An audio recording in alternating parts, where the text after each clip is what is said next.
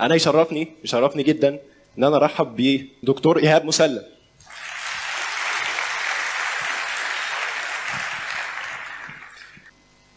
بسم الله الرحمن الرحيم. السلام عليكم. أخباركم إيه؟ آه، في البداية طبعا آه، يعني أنا بشكركم لاهتمامكم ولحضوركم. أنا أول مرة أسمع رقم آه، 20000 النهارده. إن 20000 كانوا عندهم رغبة يحضروا.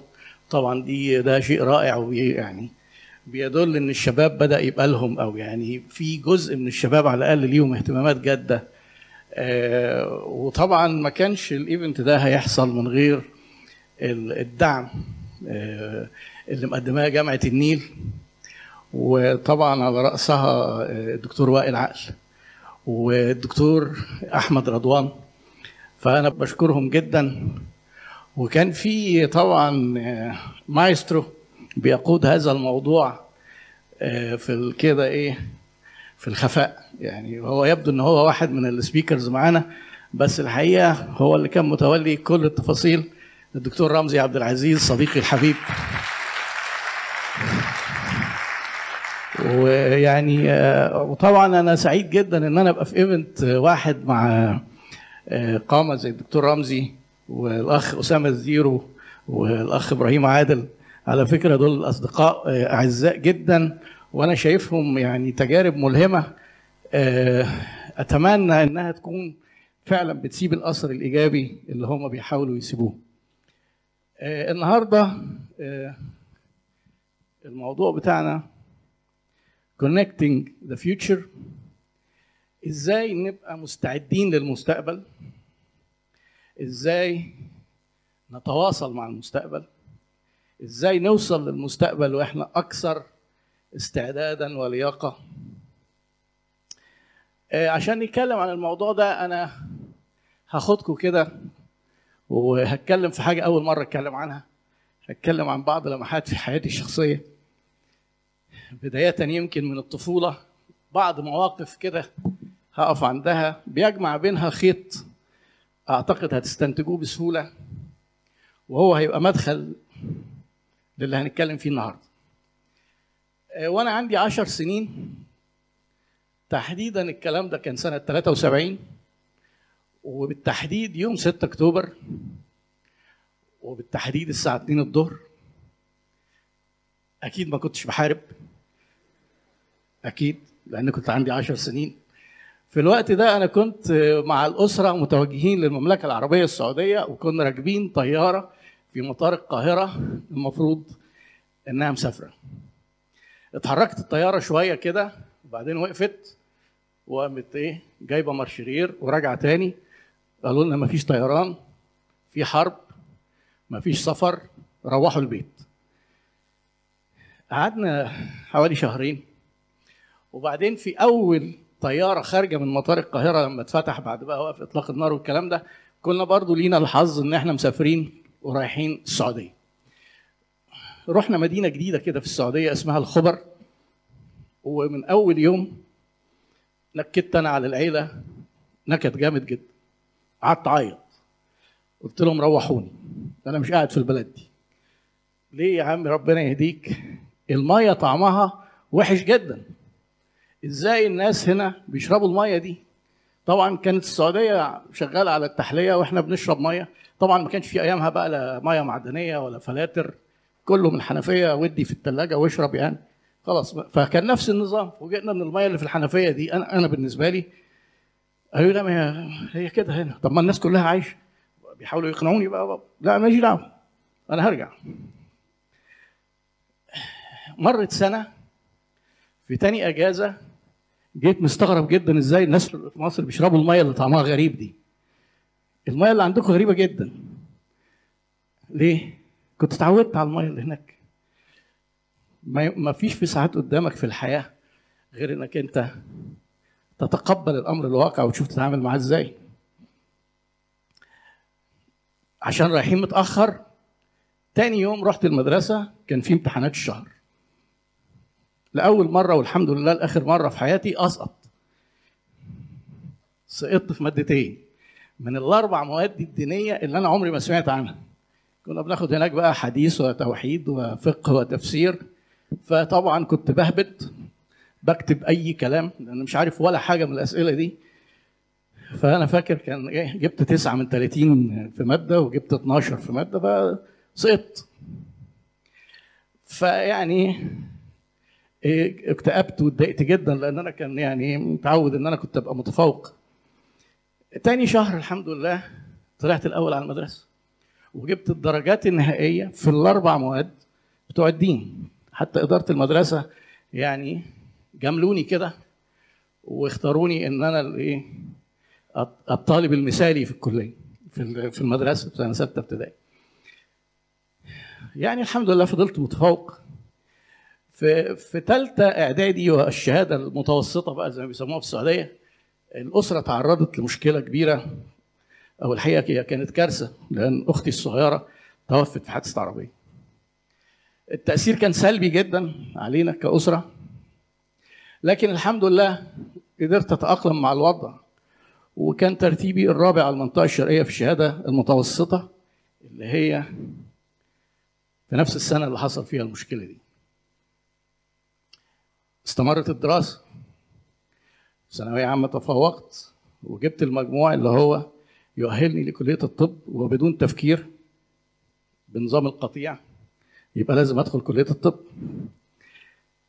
قدمت في التنسيق بس وقتها أنا طلبت أروح كلية طب المنصورة لأن الأسرة ما زالت مقيمة في السعودية.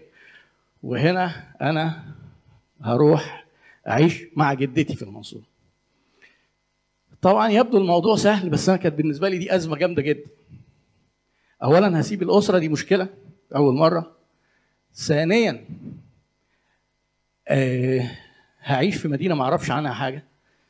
ثالثا جدتي هتعامل معاها ويعني كان مجرد هي جدتي وكانت إنسانة عظيمة الله يرحمها. آه لكن برضو التواصل كنت حامل همه شوية. وهتعامل برضه لسه مع مجتمع جديد وكلية وطلبة. يعني كل واحدة من دول كان فيها مشكلة. يعني جدتي مثلا كنت لما أه بحاول أقنعها إن أنا هروح رحلة مثلا. دي كانت محتاجة بقى مفاوضات زي مجلس الأمن كده. أو عايز مثلا أخرج جاي مثلا مع أصحابي. لا ما فيش الكلام ده. أنت امانه عندي. أنت تقعد تذاكر. أنت ما أعرفش إيه. وكان ليها توصية لذيذة قوي يا إيهاب حاسب لا البنات يضحكوا عليك. حتى أنا مش فاهم التوصية دي معناها إيه يعني. يعني لا طب هيضحكوا عليا هيعملوا إيه؟ هم البنات بيضحكوا على الشباب خلي بالك طب يا ست أنا ما شفت طب ما يجوا يضحكوا عليا مش مشكلة يعني يعني هو حد طايل هيضحكوا عليا إزاي؟ ده البنات غلابة يعني فاكراني بقى طيب ده المهم يعني إيه؟ وأنا بتعامل مع زمايلي برضه فوجئت بثقافة مختلفة شوية كل ما أسأل حد من معايا في الكلية أخباركم إيه؟ أخبار المذاكرة إيه؟ ما ذاكرناش حاجة خالص إحنا ضايعين متدمرين يا خبر طب هنعمل إيه يا جماعة الامتحانات قربت طب أنت ذاكرت إيه؟ لا طب تعالوا أنا ذاكرت كذا تعالوا أحكي لكم وأشرح لكم ما أعرفش إيه الكذا وافاجئ بعد كده إن كل اللي كنت بسألهم دول دحيحة ومذاكرين ومخلصين ومقفلين واللي أنا شرحت لهم وهم فاهمين أكتر مني إيه الحكاية دي؟ عرفت بعد كده طبعا إن دي طريقة يعني في ثقافة في في طريقة تفكير كده مع الايه مع الحياة إن وكأن النجاح ده شوية نجاح كده محطوطين في مثلا في في شوال أي واحد هينجح هياخد من الشوال يبقى أنا إيه اتسحب من رصيدي شوية نجاح. أي أي نجاح لأي شخص هو فشل محتمل ليه. فما فيش حد عايز حد ينجح عشان إيه الشوال يفضل مليان كده. عقلية التعامل مع الحياة إن الموارد فيها ندرة حتى درجات الامتحانات يعني دي ما فيهاش ندرة يعني لو يعني ما فيش حد هيدفع من جيبه فلوس لما كل الناس تجيب درجات نهائية مش كده؟ الطريقة دي في التفكير خلتني أقعد كتير أفكر هل أعمل أنا كده بقى كمان؟ يعني يسألوني أنت مذاكر؟ أقعد أقول لهم لا ما عرفتش أعمل الحكاية دي. طيب يعني لما أكون عارف حاجة هل هشرحها برضو كده بنفس العطاء. طيب استمريت. بس هو اللي فرق إيه؟ إني فهمت. وبطلت أتضايق وبطلت أزعل. لما أسأل واحد أقول له هو حتى يمكن بطلت أسأل. تغيرات في الحياة. ولازم نتعامل معاها. إيه تفوقت الحمد لله في الكلية لحد سنة ثالثه وبعدين طب المنصورة هي كلية معروف إنها صعبة جدا أيامها. وكان التفوق فيها مش سهل يعني. وأنا عايز أحافظ على التقدير بتاعي. فوجئت إن إيه؟ إن في كده بدأ يبقى في زي ترند كده جوه الدفعة إن إحنا نحول كليه وفعلا حوالي 200 واحد من الدفعة اللي هي كانت حوالي 600 وقتها قرروا إن إحنا هنحول إلى كلية طب بنها التابعة لجامعة الزقازيق. كلية جديدة. التقديرات هناك سهلة. هنتعين يعني إيه مستقبل هيبقى وردي ومشرق.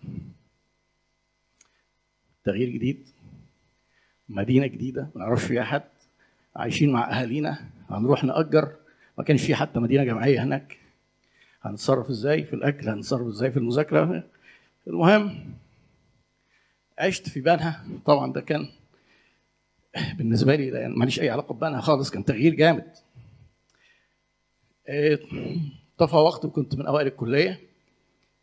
وكنت واخد تخصص في امتياز جراحة أعصاب. فالمفروض إن كان هينزل لنا وظائف لو في حد أطباء هنا موجودين هينزل أطباء مقيمين في الجامعة اللي هو بتبقى أول خطوة كده إنك تبقى بتتعين في الكلية يعني. سنتها ما نزلش وظائف في التخصص ده. فكنت أنا كده مضطر إن أنا أروح التكليف لأن أنا ما كانش ليا تجنيد فرحت التكليف. وجه تكليفي في محافظة شمال سينا في مدينة اسمها الحسنة. حد فيكم يسمع عن الحسنة دي؟ الحسنة دي حاجة إيه؟ مدينة تعتبر مهجورة. يعني أنا لما رحت الحسنة دي أول مرة فوجئت إن الحسنة دي أربع خمس مباني كده. الاسم والبوسطة والوحدة الصحية محطة المية محطة الكهرباء بس خلاص خلصت المدينة. مفيش بقى عمارات مفيش ناس ساكنة بتاع والغريب إن كان بيجي في الوحدة الصحية كل يوم الصبح مرضى كتير. بيجوا بدوا بيجوا من ورا الجبال ما أعرفش بيجوا منين وبيكشفوا وبيختفوا تاني في الجبال. الحقيقة كانت الإقامة هناك كانت يعني حاجة تجيب اكتئاب. يعني بعد ما تخلص العيادة في سكن بقى في الوحدة. فهداني تفكيري كده. إن أنا أنزل وأشوف. أشوف البلد مين فيها. فرحت للراجل اللي هو في محطة المية ده عرفني على مأمور الاسم وبتاع البوسطة اللي هم إحنا بقى الكوماندات بقى بتاعت البلد يعني.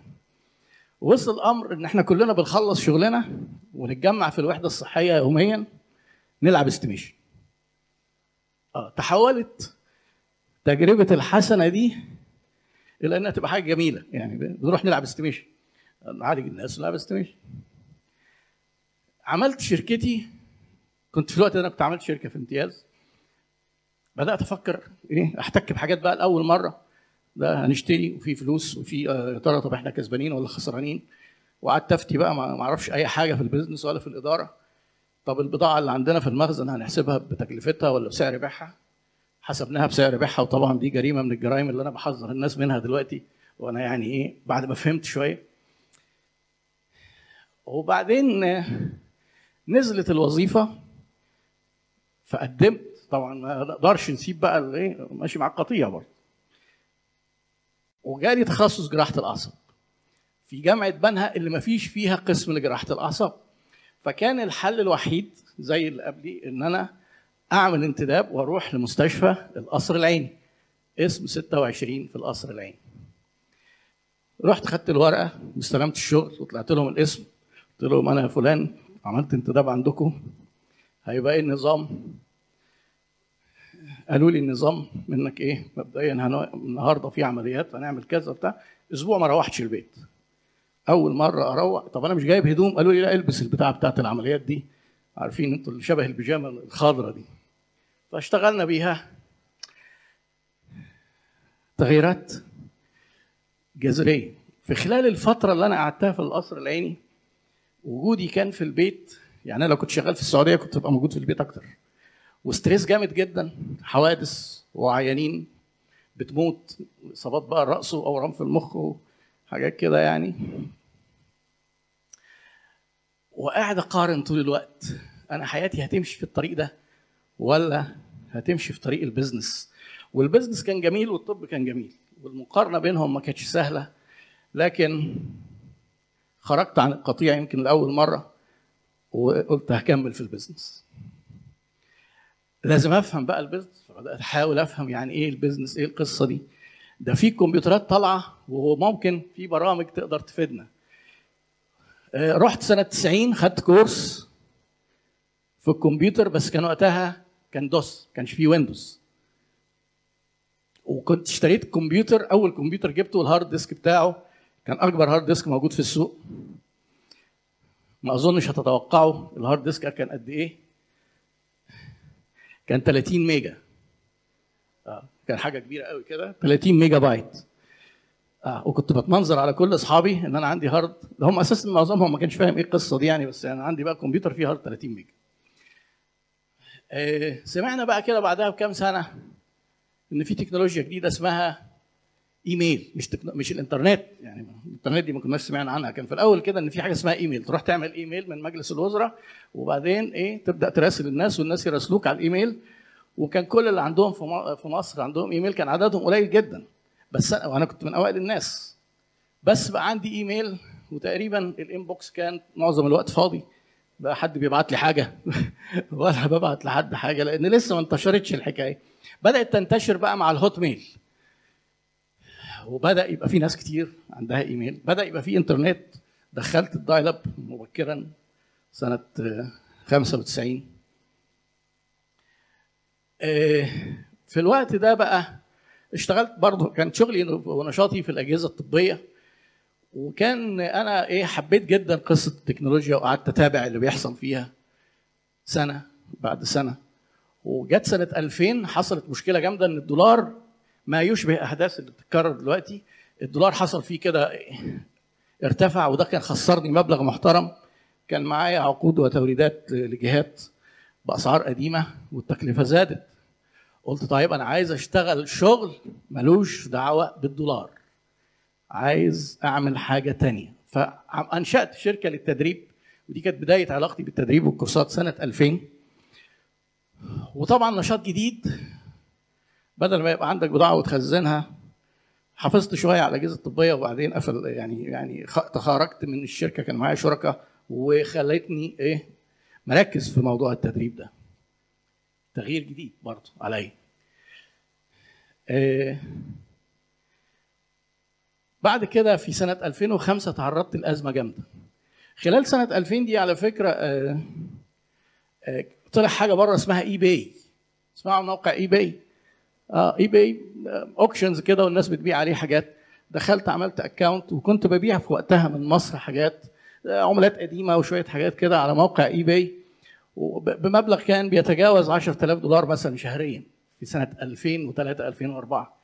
حاجة برضه جديدة وحاولت أتكيف معاها جنب شغلي سنة 2005 حصلت مشكلة كبيرة وكان سببها يمكن سوء اختيار الشريك وتعرضت لضائقة مالية شديدة اضطريت أبيع شقتي واضطريت أبيع عربيتي. واعتبرتها فرصة إن أنا أعيد ترتيب الأوراق وأتوقف كده وأدرس شوية الموضوع. وخدت ام بي اي وبدأت أشوف ال- أحتك بقى فعلا بالمعرفة الإدارية بجد. كان طول الوقت باخد كورسات. وكان من أهم الكورسات اللي خدتها سنة 93 حاجة بالنسبة لي غيرت برضه طريقة تفكيري تماما. دكتور اسمه زهير ثابت الله يرحمه في جامعة عين شمس أستاذ تسويق. خدت عنده كورس في خدمة العملاء وما كانش وقتها الكلمة دي حد بيقولها خالص. آه، وبيكلمنا على إن العميل على حق جدا يعني. فأنا كنت بقى بشوح ومش عاجبني الكلام يا دكتور ما ينفعش. إزاي ده؟ ده العملاء دول هياكلونا. ده إحنا لو سبناهم كده هيفترسون العملاء دول وحوش آدمية كاسرة. المهم الراجل تحداني في موقف معين يمكن حكيته قبل كده وطلع كسب هو التحدي. اللي هو قال لي عليه حصل والعملاء اللي أنا كنت مضايقهم أرضتهم وجابوا لي شغل. فبدأت أغير تماما طريقة تفكيري في علاقتي بالعملاء. ومن ساعتها وأنا شايف إن دي باستمرار هي الميزة التنافسية اللي أنا بقدمها وبنصح الناس في استشاراتي في البيزنس إن هم يقدموها. وده تغير جامد. آه بدأت أدي كورسات. وبعدين آه من سنة 2011 كده كانت ال social media بدأت تاخد وضعها. عملت قناة على اليوتيوب. كنت مستغرب جدا إزاي أقعد اتكلم موبايل أو كاميرا. مهارة ما كانتش موجودة خالص عندي. آه، حاولت أكتسبها. وبعد كده بدأت الكورسات بتاعتي حطيتها على سيديهات وفلاشات برضه ك digital. وبعدها سنة 2019 حطيتها اونلاين على موقع Udemy. وعشان كده كان حظي كويس. لما جت 2020 كو- ال- كورونا كانت الكورسات بتاعتي موجودة. قلت هتوقف عن إن أنا أدي كورسات مؤقتا وهحاول أروج كورساتي اونلاين واكتشفت إن هو مش هتبقى مؤقتا ولا حاجة. لأن أنا بوجودي أونلاين وصلت الناس كنت مستحيل هيجوا ياخدوا كورسات عندي. كل الدول العربية في دول كتير جدا فتحولت من حاجة مؤقتة عاملها وأنا متضايق إلى إنها حاجة دائمة تحولت إلى استراتيجية. قريب كده وبعدين ده اداني وقت إن أنا أصنع محتوى وأقدم بقى الفيديوهات يمكن القناة اللي أنتم شايفينها وعليها فيديوهات كتير. مقربين على 600 فيديو. جه الدكتور رمزي قال لي إيه آه، آه، عايزين نطلع نعمل حلقة مع بعض. وخدني كده على على إيه على حين غفلة. وهو قاعد عندي وقمنا جايين مشغلين الاستوديو وطالعين live فأنا أنا أول أنا طول عمري بطلع أهبد لوحدي كده أمسك المايك الحديدة وأقعد أدي ما حدش يكلم. فأنا هنا بقى بقيت مش هتكلم هو بقى الضيف فأنا لازم أقعد أسأله. فلقيتها جميلة قوي وسهلة. حاجة حلوة جدا. والدكتور رمزي بقى إيه أنت بقى مش محتاج يعني أنت مش محتاج تسأله. أنت لسه بتقول له يعني هو هل بيخل- بيدخل بقى هو بي بيمسك الحلقة كلها. فأنا كنت قاعد سعيد. قلت خلاص كويس قوي أنا هبطل بقى النظام العادي بتاعنا ده. وقعدت أتصل بقى بحبايبي. كل شوية أجيب حد وأستضيفه. والكلام ده على فكرة اللي بقول لكم عليه ده كان من ست شهور بس. ها؟ آه تجربة جديدة. ChatGPT حاجة جديدة برضه سمعت عنها. إيه يا جماعة القصة دي؟ دخلت أفهم فيها. كريم ابني طبعا ساعدني. انبهرت بصراحة ولقيت فيها فرص جامدة جدا. يعني على سبيل المثال وأنا بعمل تحضير لأي موضوع عايز أقرأ كتاب لا ده هو ممكن أنت تديله file أو مش file ك file تديله text كده مثلا. 3 4000 كلمة وقول له لخصهم لي في 200 كلمة. يلخصهم لك في 200 كلمة. حتة كان في ناس ممكن يكونوا بيعملوها لي وبياخدوا فلوس بقى هو بيعملها لي بدقة جدا. طب ترجم لي الكلام ده يترجم الكلام. طب أنا عايز أعمل فيديو ويقول لي اتفضل أدي الفيديو أدي السكريبت بتاع الفيديو. طيب أنا عايزه بالعربي خد اتفضل بالعربي. يعني حاجة سحر كده. المفروض إن أنا جيلي بيصنفوا في تقسيم التسويق. إحنا جيلنا اسمه baby boomers اللي هم ال boom اللي هو حصل في المواليد بعد الحرب العالمية الثانية من منتصف الأربعينات لمنتصف الستينات. ودول مشكلتهم في إن هم بيبقوا بيقفوا قدام التكنولوجيا بيمنعوا التطوير بيمنعوا إن حد يدخل حاجة جديدة. لكن الحمد لله أنا بعتبر نفسي استثناء لأني كنت بحاول طول الوقت إن أنا يبقى عندي adaptability adaptability هي التكيف. الناس بتوع السايكولوجي لما حبوا يشوفوا أهم مهارة أهم مهارة في الحياة لأي إنسان مهما كان مكانه وسنه ووضعه لقوا إنها ال adaptability وعملوا دراسة على عينة من مديرين الموارد البشرية في إنجلترا. وحطوا قدامهم المهارات اللي هم بيوظ... يعني بيوظفوا على أساسها اللي هيشتغلوا في الوظائف الجديدة. 91% منهم قال إن ال adaptability أو coping with change اللي هي إن إحنا نتأقلم مع التغيير هي المهارة الأولى. ال- التكيف مع طعم المية مع مجتمع جديد مع مدينة في وسط سينا التكيف مع ال stress الجامد في القصر العيني الانتقال إلى ال business وتغيير ال business التعامل مع التكنولوجيا مبكرا من أول ما ال DOS جه لحد الويندوز لحد ما تلا ذلك هو ده الموضوع ودي المهارة اللي إحنا عايزين اللي هتأهلنا واللي أنا عايزكم تركزوا جدا إنها دي اللي هتأهلكم لدخول المستقبل. طيب إيه؟ إيه هي الادابتابيلتي إنك تقدر القدرة إنك تادجست إنك تظبط نفسك كده وتغير وتتغير كاستجابة للمواقف الجديدة اللي حواليك. وعكسها طبعا الجمود والجمود دي كارثة. إنك أنت تبقى أفكارك جامدة ومتمسك بالأنماط القديمة حتى اللي اتعلمتها. طب ليه محتاجينها؟ محتاجينها على مستويين المستوى الشخصي والمستوى المهني أو ال professional personal and professional ال personal دي مهارة هتخليك تقف قدام التحديات والصعوبات وتستفيد من الفرص أسرع من اللي حواليك. فلازم تبقى فاهم إن الموضوع ده مش كلام انشا الشركات اللي ما كانش عندها على المستوى البروفيشنال ما كانش عندها النوع ده من التكيف انقرضت.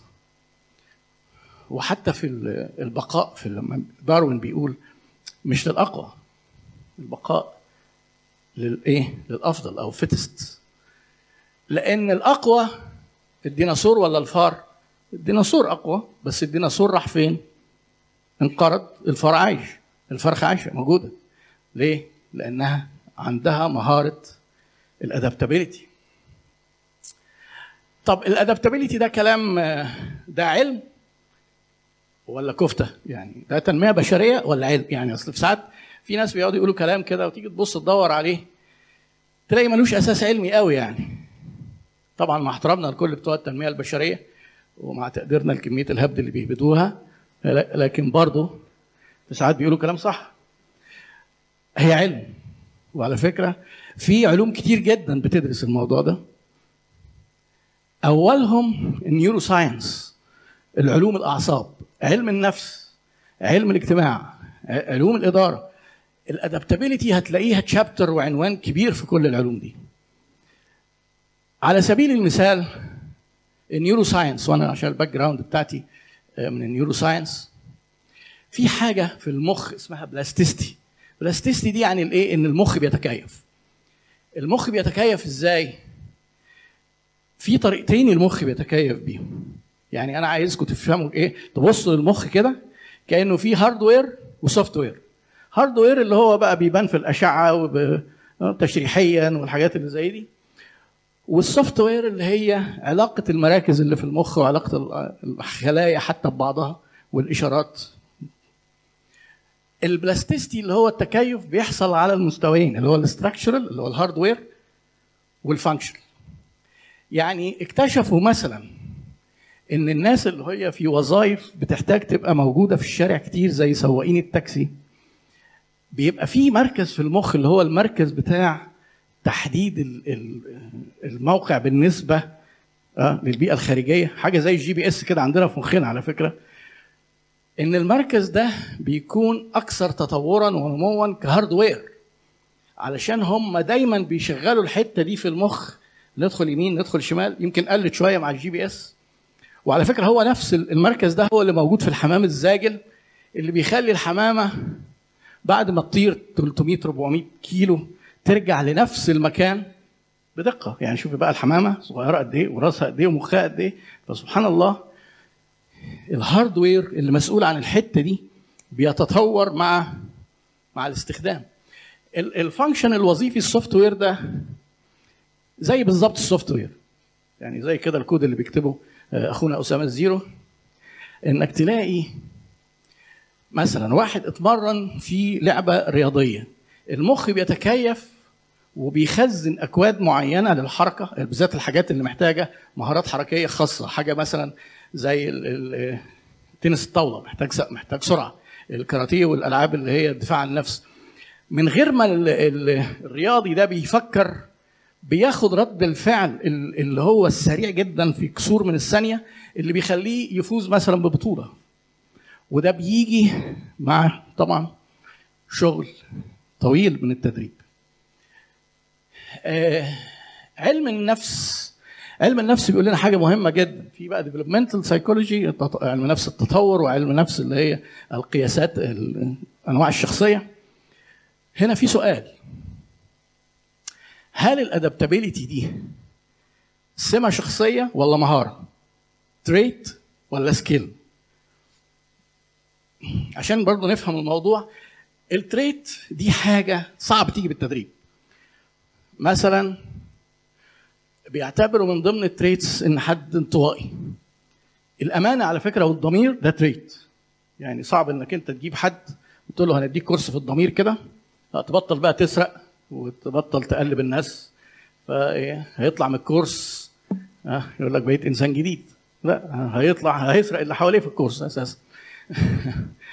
ف طيب هل هي trait ولا skill هو من حسن حظنا والحمد لله إن هي فيها الاثنين وحاجات كتيرة جدا في حياتنا هي trait and skill يعني مهارات التواصل كلها مثلا trait and skill في ناس عندهم استعداد شخصي وفردي إن هم شاطرين في التواصل. لكن بالممارسة ما هي المهارات دي بتكتسب بالممارسة. مهارة زي مثلا تيجي تقول لي إيه؟ ركوب العجلة. ما فيش حد كده مش دي مش صفة مخلوقة فينا إن إحنا نركب عجلة. أو نتعلم نسوق عربية. أو نعمل typing كده على ال keyboard بسرعة. دي skill كل دي skills أنا عايز أقول لك بقى إن ال adaptability جزء ال skill فيها كافي جدا إنه يخليك تكتسب هذه المهارة وتتكيف مع الظروف. وهنقول شوية إزاي. نخلي بالنا إن ما تجيش تقول لي أصل أنا ماليش في الموضوع ده. تفكير جامد. أنا ما أعرفش أعمل الحكاية دي. جمود في التفكير. لازم نلغي من قاموسنا مع المستقبل اللي جاي إن إحنا ما نقدرش إن إحنا ما نعرفش. اللي عرف مش في بني آدم عرف؟ طيب كويس. عرف إزاي؟ عن طريق حتة ال skill دي. ال sociology كمان بيدرس ال change على مستوى المجتمعات. أحيانا المجتمعات بتتغير بس ده بيبقى تغيير بطيء شوية. يعني أنا مثلا قريت post قريب إن في قرية في مصر قالوا هنعمل الشبكة فضة. ده نوع من الأدابتابيلتي لأن الذهب اللي غلي قوي ده يعني خلى إن بقى في صعوبة في الواحد في, مصاريف الزواج. فالمجتمعات وهي المجتمعات عبارة عن مجموعة من الأفراد أكيد فرد ما فكر بشكل تكيفي وطلع بالفكرة. واجتمع إيه؟ عليها الناس. في الإدارة في حاجة مهمة جدا اسمها إدارة التغيير. لأن ال adaptability مش إحنا قلنا إيه؟ القدرة على التغير مع المواقف الجديدة. في الشركات التغير ده بيتم بشكل مؤسسي وبشكل برضه إيه؟ فردي. ففي حاجة اسمها إدارة التغيير change management ده science وعليه أبحاث من أشهر الباحثين باحث أمريكاني اسمه جون كوتر توفاه الله عامل موديل تقدروا تدخلوا تدوروا عليه. 8 موديل كده من 8 ستيبس إزاي نعمل تغيير جوه الشركات. طب ليه صعب؟ ليه التغيير أحيانا بيبقى صعب؟ ليه في ناس دايما ضد التغيير؟ على فكرة لازم نبقى فاهمين ومتفهمين الناس اللي ضد التغيير بس لازم نبقى متفهمينهم وما نعومش معاهم. لازم نبقى متفهمين إن ده موجود ويمكن نسبة كبيرة لأن في في السيكولوجي ما يفسر كده بس ما يأثروش علينا سلبيا. في حاجة اسمها fear of change الخوف من التغيير أو الخوف من المجهول أو في ساعات بيسموه status quo bias الانحياز للأمر الواقع أو إن أنت تقعد في ال comfort zone هو أنا لسه هفكر وأنا لسه هتعلم ال AI أنا graphic designer شغال فوتوشوب زي الفل. AI إيه بقى اللي جاي لنا ده وهيقرفونا؟ عمرهم ما هيعرفوا يأثروا علينا حاجة. ليه؟ أنا كده أريح لي. مش هيعملوا لنا حاجة. أنا نقعد إحنا شغالين زي ما إحنا. ال fear of change ده لو استرجعنا التاريخ هنلاقيه موجود في مراحل في تاريخ البشرية. مراحل كانت مهمة على فكرة. يعني إحنا زمان قوي قبل ما يبقى فيه آه، صناعة وحاجات زي كده. كنا كلنا معتمدين كبشر على الموارد الطبيعية. بنزرع وناكل. وبعدين ناخد خشب نشتغل نجارة راعي عشان اللحوم وعشان نعمل صوف برضه. والصوف إيه؟ يدوي تحول إلى كده خيوط وبعدين على نول يدوي نحوله إلى نسيج. فالموضوع كان يدوي كله. أول ما بقى في مكن مثلا وكانت البداية بيؤرخ لها آه، بجوتنبرج لما اخترع مكنة الطباعة.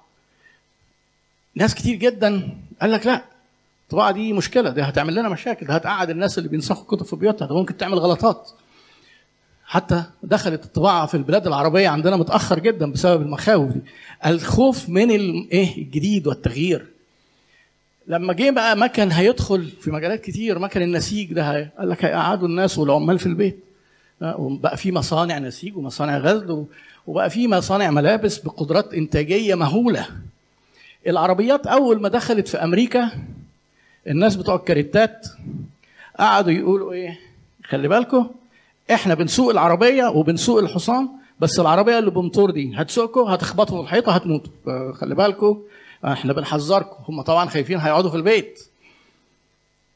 شوفوا صناعة العربيات شغال فيها كام مليون بني آدم دلوقتي. شوفوا عدد السيارات والوقت دخل فيها ال AI وبقت العربيات بتسوق نفسها. برضه في ناس يقول لك اوعى العربية اللي بتسوق نفسها. بلاش اوعى وخلي بالك والجديد وهيودونا في داهية. دايما افتكر إن ده ميل طبيعي وانحياز طبيعي للأمر الواقع والخوف من المجهول عايزين نتخلص منه. جمود التفكير جمود التفكير بتاع الأفكار اللي اتقالت لنا في يوم من الأيام. تخيل كده لو أنا كنت وقفت عند ال DOS. خلاص ما هو ده اتعلمت ال DOS وبقيت شاطر. طب هم غيروا الويندوز ده بقى هنقعد بقى نقرف نفسنا بقى كل شوية نتعلم حاجة جديدة. هو أنا الكمبيوتر بتاعي DOS. كان هيبقى أنا كده اسمي ما عندي كمبيوتر؟ لا. الناس اللي بيقولوا دلوقتي الكلام اللي أنا كنت بقوله زمان العميل لو سبته عم- عملته كويس هيطمع فيك هي- هياكلك آه، جمود تفكير. إحنا مستوى خدمة العملاء عندنا هيتحسن هيتحسن غصب عننا. يا إما تركب في المركب يا إما هتفوتك المركب. الريزيلينس المرونة في التعامل مع المشاكل بالذات إزاي تلاقي حلول؟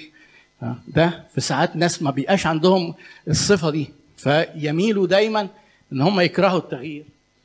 ال- الإصرار ما هو على فكرة لما تبقى أنت لوحدك واللي حواليك كلهم بيقولوا لك اوعى ده محتاج إصرار ومحتاج ثقة في نفسك محتاج حاجة اسمها self awareness ومحتاج إن أنت تبقى عندك vision كده لقدام وإنك تبذل مجهود لأن القصة دي دايما هتبقى محتاجة مجهود لأن إحنا هنبقى محتاجين آه، نتعلم مهارات جديدة.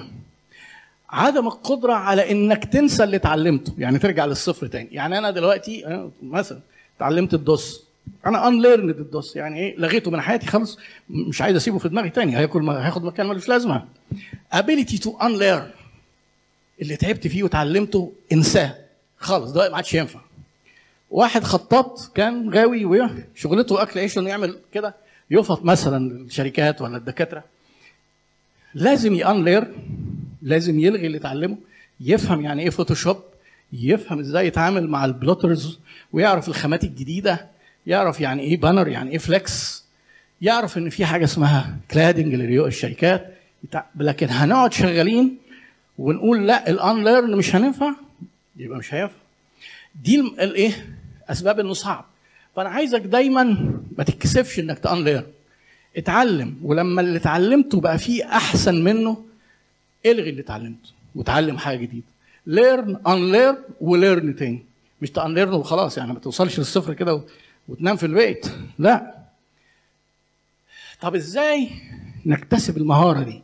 ال adaptability إزاي نكتسبها أول حاجة تشوف علاقتك لأن إحنا داخلين على المستقبل في التكنولوجيا دايما تفضل انفورمد ودايما متواصل مع التكنولوجيا في مجالك وتشوف وتستكشف قبل غيرك أحدث تكنولوجيا إيه. وأحدث تكنولوجيا بتيجي بإيجابيات وممكن يبقى فيها سلبيات. مش؟ تفهم إيه الإيجابيات وإزاي تستفيد منها؟ وتفهم إيه السلبيات وتحاول ما تأثرش عليك. ما تجيش تقول لا ده هيقعدوا ال graphic designers في البيت. أنا كرهت ال- ال Midjourney ده مش هشتغل بيه. تمام؟ لا ما ينفعش. لازم تبقى مرن وتستكشف الفرص والتحديات والتهديدات تواجهها. ويا ريت لو تعرف تبقى مبادر proactive يعني إيه بقى؟ إحنا مش هنستنى كمان أما التكنولوجيا تطلع ده. إحنا هنقعد كده. ممكن نعمل فكرة ابتكارية جديدة وإحنا اللي نعمل التغيير. مش نبقى نستنى اما حد يعملها. هتقول لي صعب علينا. هديك مثال. أنا آخر بودكاست عملته عملته مع اتنين شباب عايشين في إنجلترا مهندسين. حاليا عندهم شركة متقدمة جدا في مجال الذكاء الصناعي في تداول الأسهم في البورصة. وهي شركة من ثلاث شركات على مستوى العالم وهي والشركة المصرية دي أو هي شركة إنجليزية بس ال founders اثنين مصريين هي الأكثر تقدما في الثلاثه راحوا إيه خدوا ماجستير من بره في إنجلترا واتقابلوا ما كانوش يعرفوا بعض حتى في ال artificial intelligence وتطبيقاته في في البورصة. فبقى دلوقتي هم اللي بيطوروا هم اللي بي induce ال change هم اللي بيعملوا ال change لازم كمان نتعلم من الفشل. وما نخافش من الفشل لأن الحاجات الجديدة هتجرب في حاجات هتنفع وحاجات مش هتنفع. باستمرار اتعلم مهارات جديدة. وبرضه من الحاجات المهمة خلي في ذهنك سؤال. لو حصل كذا هعمل إيه؟ لو حصل كذا هعمل إيه؟ يعني لو الكمبيوتر دلوقتي بيعمل ديزاينز جامدة جدا هنعمل إيه؟ لو أنا مترجم وبقت الكمبيوترات بتترجم جامد جدا هنعمل إيه؟ وات اف خلي في ذهنك دايما هذا السؤال. ملخص اللي أنا بقى عايز أوصله لكم إن نجاحك في حياتك الشخصية والمهنية هيعتمد على أهم المهارات الحياتية اللي إحنا مفروض تكون عندنا ومرتبط جدا بالادابتابيلتي ويا ريت يكون وصلت الرسالة. أشكركم. والسلام عليكم ورحمة